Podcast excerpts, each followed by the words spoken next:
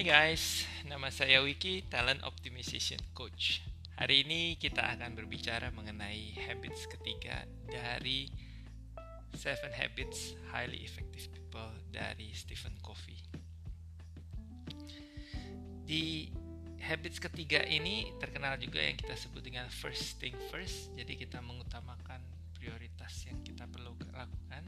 Jadi kalau dianalogikan dengan uh, programmer lagi, habits pertama adalah kita sebagai programmernya. Di habits kedua kita yang uh, membuat programnya, ya kita yang menulis codingnya gitu. Nah di habits ketiga ini adalah aktualisasinya. Kalau kita bicara di habits kedua, di mana segala sesuatu tercipta dua kali, sekali di pikiran dan sekali di realita, di habits ketiga inilah yang di mana aktualisasi itu terjadi dengan bagaimana kita mengatur atau mengelola waktu kita dengan baik. Waktu pertama kali saya baca buku ini yang yang membuat saya ternganga gitu ya, itu adalah bagian waktu di mana selama ini saya berpikir jika segala sesuatu yang mendesak itu pasti penting. Tetapi di sini dibagi menjadi empat kuadran dan diceritakan bahwa sebetulnya ada gitu loh waktu-waktu tertentu kita melakukan sesuatu ya yang yang uh, menghabiskan waktu kita yang sifatnya mendesak tetapi tidak penting gitu. Atau sebaliknya ada hal-hal yang sifatnya tidak mendesak tetapi contohnya di sini kalau di eh, diceritakan seperti kuadran satu. Kuadran satu adalah kuadran urgent important.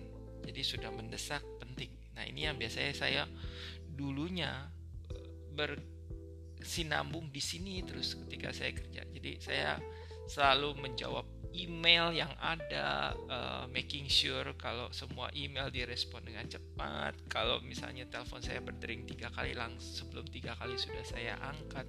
Ya, jadi saya backgroundnya dari customer service, jadi ada tendensi untuk melayani melayani dan uh, segala krisis itu harus diselesaikan.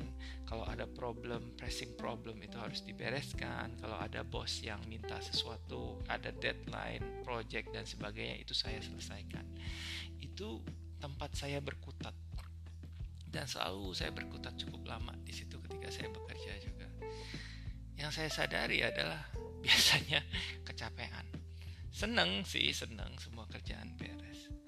Nah di di sini diceritakan tunggu dulu gitu loh. Kita juga ada loh waktu yang kita harus pikirkan yang sifatnya penting tetapi tidak mendesak disebutnya juga dengan kuadran 2. Nah, aktivitas kuadran 2 itu seperti apa sih? Aktivitas kuadran 2 itu tentunya seperti prevention ya, uh, menghindari sesuatu sebelum kejadian. Nah, uh, yang yang mungkin paling gampang adalah ketika kita males melakukan sesuatu karena buru-buru. Jadi ini um, personal story saya juga gitu ya. Mungkin tahu ya yang namanya cantengan gitu ya yang namanya cantengan tuh yang namanya infeksi di kuku gitu ya karena kemasukan kuman dan sebagainya. Itu awal mulanya seperti apa sih? Ya biasa gitu kalau ada kuku yang tajam terus aduh nggak sempet gitu. Uh, masih ada kerjaan yang lain ya udah saya gigit gitu kan kukunya saya cabut udah beres kukunya. Yang saya tidak sadari adalah dicabut seperti itu.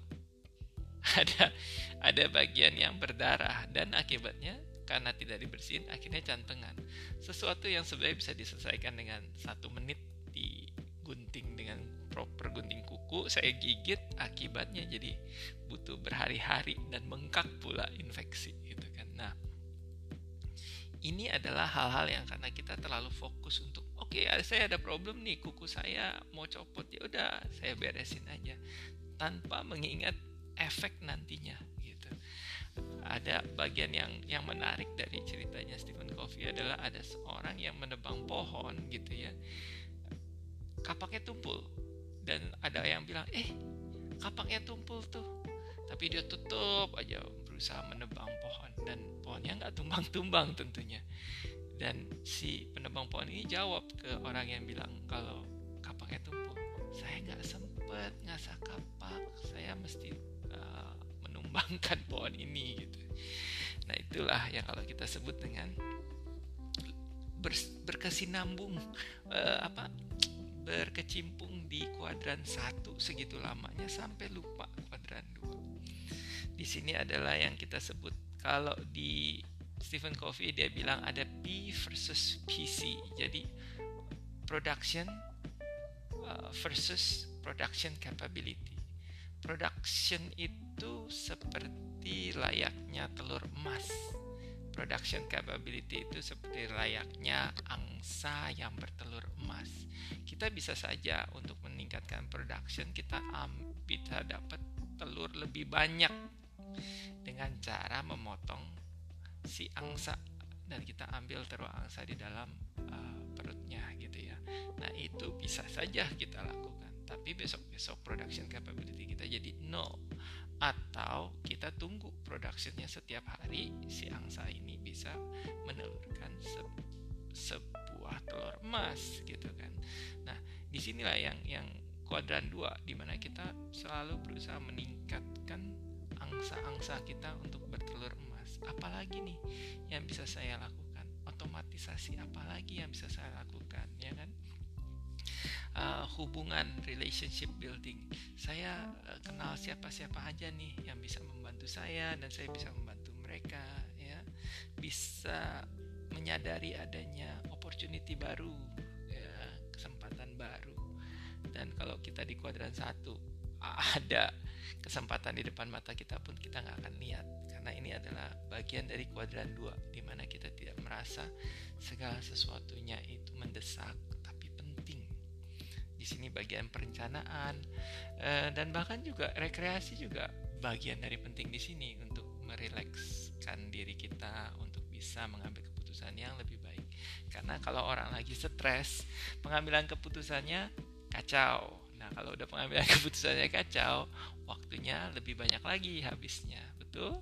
Eh sama seperti maintenance di rumah gitu ya, ledeng-ledeng, eh, pipa-pipa semua dibersihkan kalau lupa dibersihkan nanti udah mampet baru deh udah bocor ke mana-mana kuadran satu nah di sini orang-orang efektif itu menghabiskan waktunya di kuadran kalau udah ada kuadran satu kuadran dua emang ada uh, kuadran-kuadran yang lain ternyata ada juga gitu yang disebut dengan tidak penting tapi urgent. Wah, ini bahaya nih. Ini kalau kita bilang kuadran uh, penipuan nih. Jadi kita merasa kalau kita sibuk, tapi kita melakukan hal yang nggak penting gitu. Nah, aktivitas-aktivitas ini seperti apa? Biasa interupsi-interupsi dari lingkungan ya. Uh, beberapa telepon-telepon nggak penting ya. Kadang-kadang ada tuh ya yang dari pihak-pihak yang menawarkan produk-produk ya. Karena telepon kita udah di ke mana-mana atau ada yang nawarin kartu kredit lah asuransi lah dan sebagainya gitu kan. Uh, email-email ya kadang email-email juga nggak semuanya harus kita yang jawab kan. Kadang ada anak buah kita juga yang bisa jawab uh, meeting. Waduh, itu meeting paling gawat itu. Udah sifatnya urgent ya kan, karena kalau meeting ya mau nggak mau ya zoom call gitu harus attend gitu. Tapi kita tahu meeting itu kita tidak memberikan value dan hanya menghabiskan waktu saja gitu. Dan kadang juga ada apa hal-hal yang sifatnya karena populer aja aktivitas yang ya karena teman-teman bersepeda bareng ya udah saya ikut bersepeda bareng gitu ya. Cuman cuman buat populer populeran aja ya. Atau um, sosial media. Kadang sosial media kan juga ada notifikasi notifikasi gitu. Nah itu juga kayaknya urgent gitu tapi sangat sangat tidak penting. Nah um, yang paling parah lagi adalah yang disebut dengan kuadran 4 yang disebut tidak penting, tidak mendesak. nah ini juga kayak aktivitas-aktivitas main di sosmed ya media sosial yang berjam-jam lihat Instagram lihat Facebook yang nggak ada nggak nggak jelas buat apa atau uh, main game atau nonton Netflix yang berjam-jam gitu nah itu adalah di kuadran 4 nah kurang lebih ini adalah bagian yang penting yang yang di mana kita harus mampu untuk selalu berpikir oke okay, setiap kali kita melakukan sesuatu dia di kuadran berapa? Kita harus aware dulu mengenai hal tersebut. Karena kalau kita selalu ada di kuadran satu yang terjadi adalah kita gampang stres gampang kecapean. Karena segala sesuatu yang urgent mesti dikerjain gitu ya. Jadi um, kayak kita harus kalau diibaratkan tuh kayak kita harus ngambil air eh, uh, 10 kilo dari rumah kita karena tidak ada perairan uh, tidak ada saluran air di rumah kita. Jadi setiap hari kita harus melakukan kuadran satu ambil dua ember air 10 kilo ambil di sumur sana balik lagi ke rumah. Setiap hari melakukan itu atau kita pindah ke kuadran dua di mana kita pikirkan oke okay, gimana caranya bikin pipa dari sumur yang 10 km gitu bisa mengalir pompa air bisa sampai ke rumah saya. Jadi saya nggak perlu tiap hari pagi-pagi bangun bawa dua ember jalan 10 kilo ke sumur tadi ya itu adalah tugas kuadran 2 kuadran 1 kalau terlalu banyak ya tadi kerjanya krisis manajemen selalu mematikan memadamkan api ya. Sedangkan kalau terlalu banyak di kuadran 3 biasanya short term fokus. Sama ngerjain krisis uh, manajemen tapi merasa diri lebih parah kalau di kuadran 3 dia merasa tidak ada kontrol dia pokoknya ya udahlah pokoknya saya ngerjain sekenanya saya aja gitu. Terus uh, hubungan juga dengan orang-orang juga mungkin udah nggak ada waktu ya. Jadi uh, jadi saya ingat gitu ya ada zaman-zaman ketika pekerjaan segitu banyaknya yang sampai kita tidurnya sampai jam 1 pagi jam 2 pagi cuman balas email doang. Boro-boro ada relationship ya sama keluarga apalagi sama pacar sama pasangan hidup itu udah nggak ada gitu. Karena kerjaan aja udah udah keteteran gitu ya. Atau um, yang di kuadran 4 sibuk nonton Netflix ya di sosial media dan sebagainya ya itu sih kemungkinan tinggal uh, tunggu dirumahkan saja gitu kan. Karena pasti kita jadi total irresponsibility gitu banyak tugas-tugas kita yang nggak dikerjakan.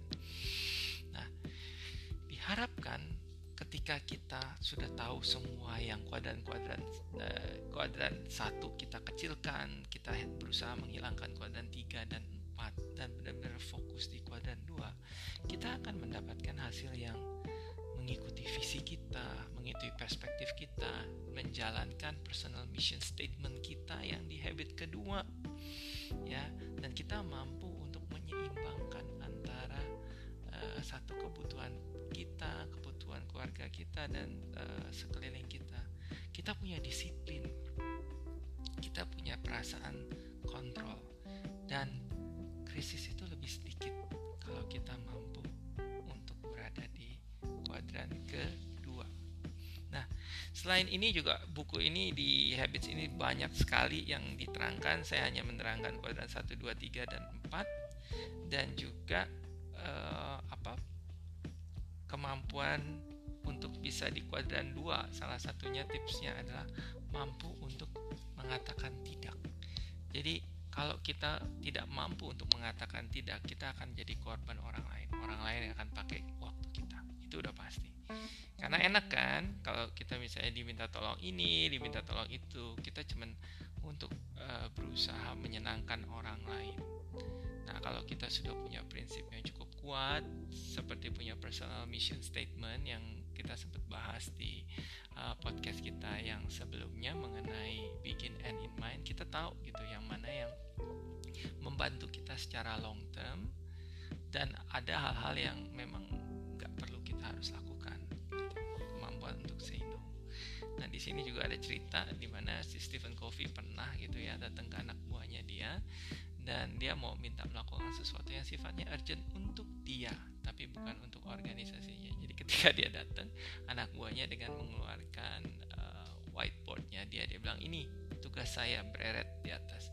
Kalau misalnya mau mengerjakan tugas ini saya bisa lakukan. Tapi tolong dari sekian banyak tugas yang ada yang mana yang harus saya diprioritaskan dulu yang uh, saya uh, apa saya turunkan prioritasnya dan pada saat itu Stephen Covey sadar oh oke okay, iya. Nah ini yang salah satu yang bisa kita lakukan ketika orang lain minta kita melakukan sesuatu. Kita bisa bilang yes and titik titik titik atau yes but titik titik titik gitu. Jadi uh, harus ada andil dari orang yang minta tolong sama kita untuk mereka bisa melakukan sesuatu yang mengurangi uh, beban ini dari dari prioritas kita yang sudah cukup di sini juga dibicarakan mengenai oh ya yang salah satu yang menarik adalah mengenai delegasi. Nah, di sini dibicarakan mengenai dua tipe delegasi. Delegasi pertama adalah yang disebut gopher delegation. Gopher de delegation itu maksudnya apa? Go for this go for that. Um, sebagai manajer baru atau pemimpin baru ini yang sering terjadi karena kita pindah dari individual contributor yang cukup handal melakukan sesuatu yang sendiri. Terus tiba-tiba sekarang punya anak buah yang melakukan pekerjaan yang mungkin masih baru untuk dia yang kita udah lakukan puluhan tahun atau bertahun-tahun. Jadi ketika kita lihat anak buah kita yang baru-baru melakukannya tidak sehandal kita ada kecenderungan kita kayak nggak yakin nih kayaknya dia payah deh kayaknya dia nggak sehebat gua deh. Jadi kita cenderung untuk kamu habis ini gini habis itu gini. Daripada memberikan keseluruhan tugasnya kita malah jadi eh gini ya habis ini ke sini ya habis ini ini ya gitu kan. E, jatuh-jatuhnya jadi dia kerjanya nungguin kita kita juga nungguin dia gitu. Nah kebetulan anak saya ini baru SD kelas 1 dan dia lagi belajar yang namanya kumon di mana kumon itu adalah les matematika yang secara mandiri dia harus melakukannya sendiri. Pertama-pertama saya melakukan yang namanya cover delegation ini gitu karena nggak yakin kalau dia melakukan pengurangan dan sebagainya itu pasti benar. Nanti pasti ada yang salah-salah lagi. Atau kadang-kadang dia suka bengong. Jadi saya duduk di sebelah dia saya mungkin menghabiskan satu jam sama-sama sama dia juga satu jam untuk eh uh, eh, 6 kurang 3 berapa 6 minus 3 berapa oke okay? terus habis 6 minus 3 ini 17 minus 4 berapa jadi saya kayak membacakan terus angka-angka yang ada di situ yang ada eh, waktunya habis dua-duanya saya mensupervise dia dia pun tidak jalan-jalan pekerjaannya. Nah, lambat laun lama-lama saya ngerasa kenapa kalau di supervise terus seperti ini gitu. Nah ini yang yang ditawarkan oleh Stephen Covey adalah mungkin bukan for delegation yang diperlukan, yang for this, for that gitu.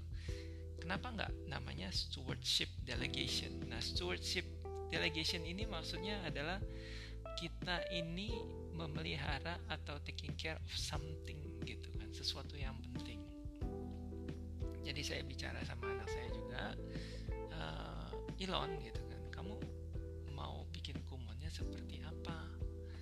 Uh, ternyata dia juga bilang gitu kalau sebenarnya dia nggak gitu suka juga di bukan kata-kata dia mungkin tidak micromanage tapi dia nggak suka.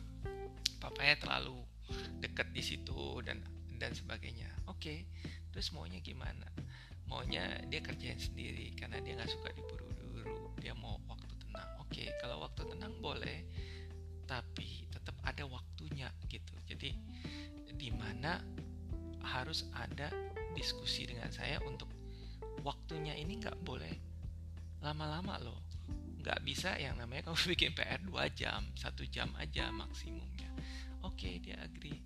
Dan kalau misalnya nanti udah selesai nanti diperiksa sama saya nanti dia akan lihat yang mana salah nanti dia betulin lagi jadi nggak selalu harus di de, apa di delegasi tapi delegasinya kayak cover di supervisi yang yang konstan gitu. Nah di stewardship delegation ini nih saya suka banget. Ini ada lima poin yang yang dikatakan di buku ini adalah kita ngomong dulu desired result kita. Hasil akhir dari delegasi kita tuh apa ketika saya ngobrol sama anak saya mengenai kumun ini hasil akhirnya adalah saya mau dalam satu jam ini semua sudah selesai uh, matematiknya dia uh, apakah selesainya semuanya benar atau salah kalau ada salah nggak apa-apa nanti papa bisa periksa lagi saya bilang nah guideline-nya yang poin kedua setelah decide result adalah guideline. Apa panduannya? Nah, panduannya saya adalah um, dia akan diberikan waktu satu jam untuk mengerjakan dan sebelumnya halaman pertamanya juga sudah diterangkan. Jadi kurang lebih mirip-mirip dia udah tahu. Kalau udah bisa halaman pertama, dia bisa dilepas untuk mereplika ini di halaman berikut Terus resourcesnya, sumber dayanya apa? Nah sumber dayanya dia sudah diberikan, dia sudah diajarkan sebelumnya, dia punya pensil, dia punya stip, ya, dia dia punya segala sesuatu yang mendukung pekerjaan dia. Bahkan saya bilang kamu perlu dikasih musik uh, apa yang bisa membuat kamu fokus nggak gitu. Dia bilang boleh ya udah saya puterin musik uh, untuk untuk dia biar lebih konsentrasi gitu ya. Dan accountability jadi kita bilang standarnya kita seperti untungnya dia tahu gitu standarnya. Maksudnya boleh dia kumonnya ada salah-salah dikit, tapi jangan semua setiap halaman salah semua. Tulisannya terlalu besar, tulisannya harus rapi gitu accountability Dan ada konsekuensinya, ada konsekuensinya gitu. Konsekuensinya tentunya kalau dia lebih cepat selesainya, dia ada waktu yang dia bisa gunakan untuk dia bermain tapi kalau misalnya waktunya lewat, waktu bermain dia jadi kalau misalnya saya ulangi mengenai stewardship delegation ini, satu, kita harus tetapkan resultnya seperti apa sih yang kita inginkan. Kedua, kita kasih dia guideline-nya, panduannya mesti seperti apa. Yang ketiga, kita kasih tahu sumber daya yang dia bisa ambil apa-apa aja. Akuntabilitasnya seperti apa tanggung jawab dia seperti apa dan tentunya ada konsekuensinya good or bad ya tentunya konsekuensinya untuk dirinya dia sendiri nah semoga um, habits ketiga ini bisa membantu Anda menjadi lebih efektif sebagai seorang manajer dan pemimpin baru. Sampai jumpa di podcast berikutnya. Bye.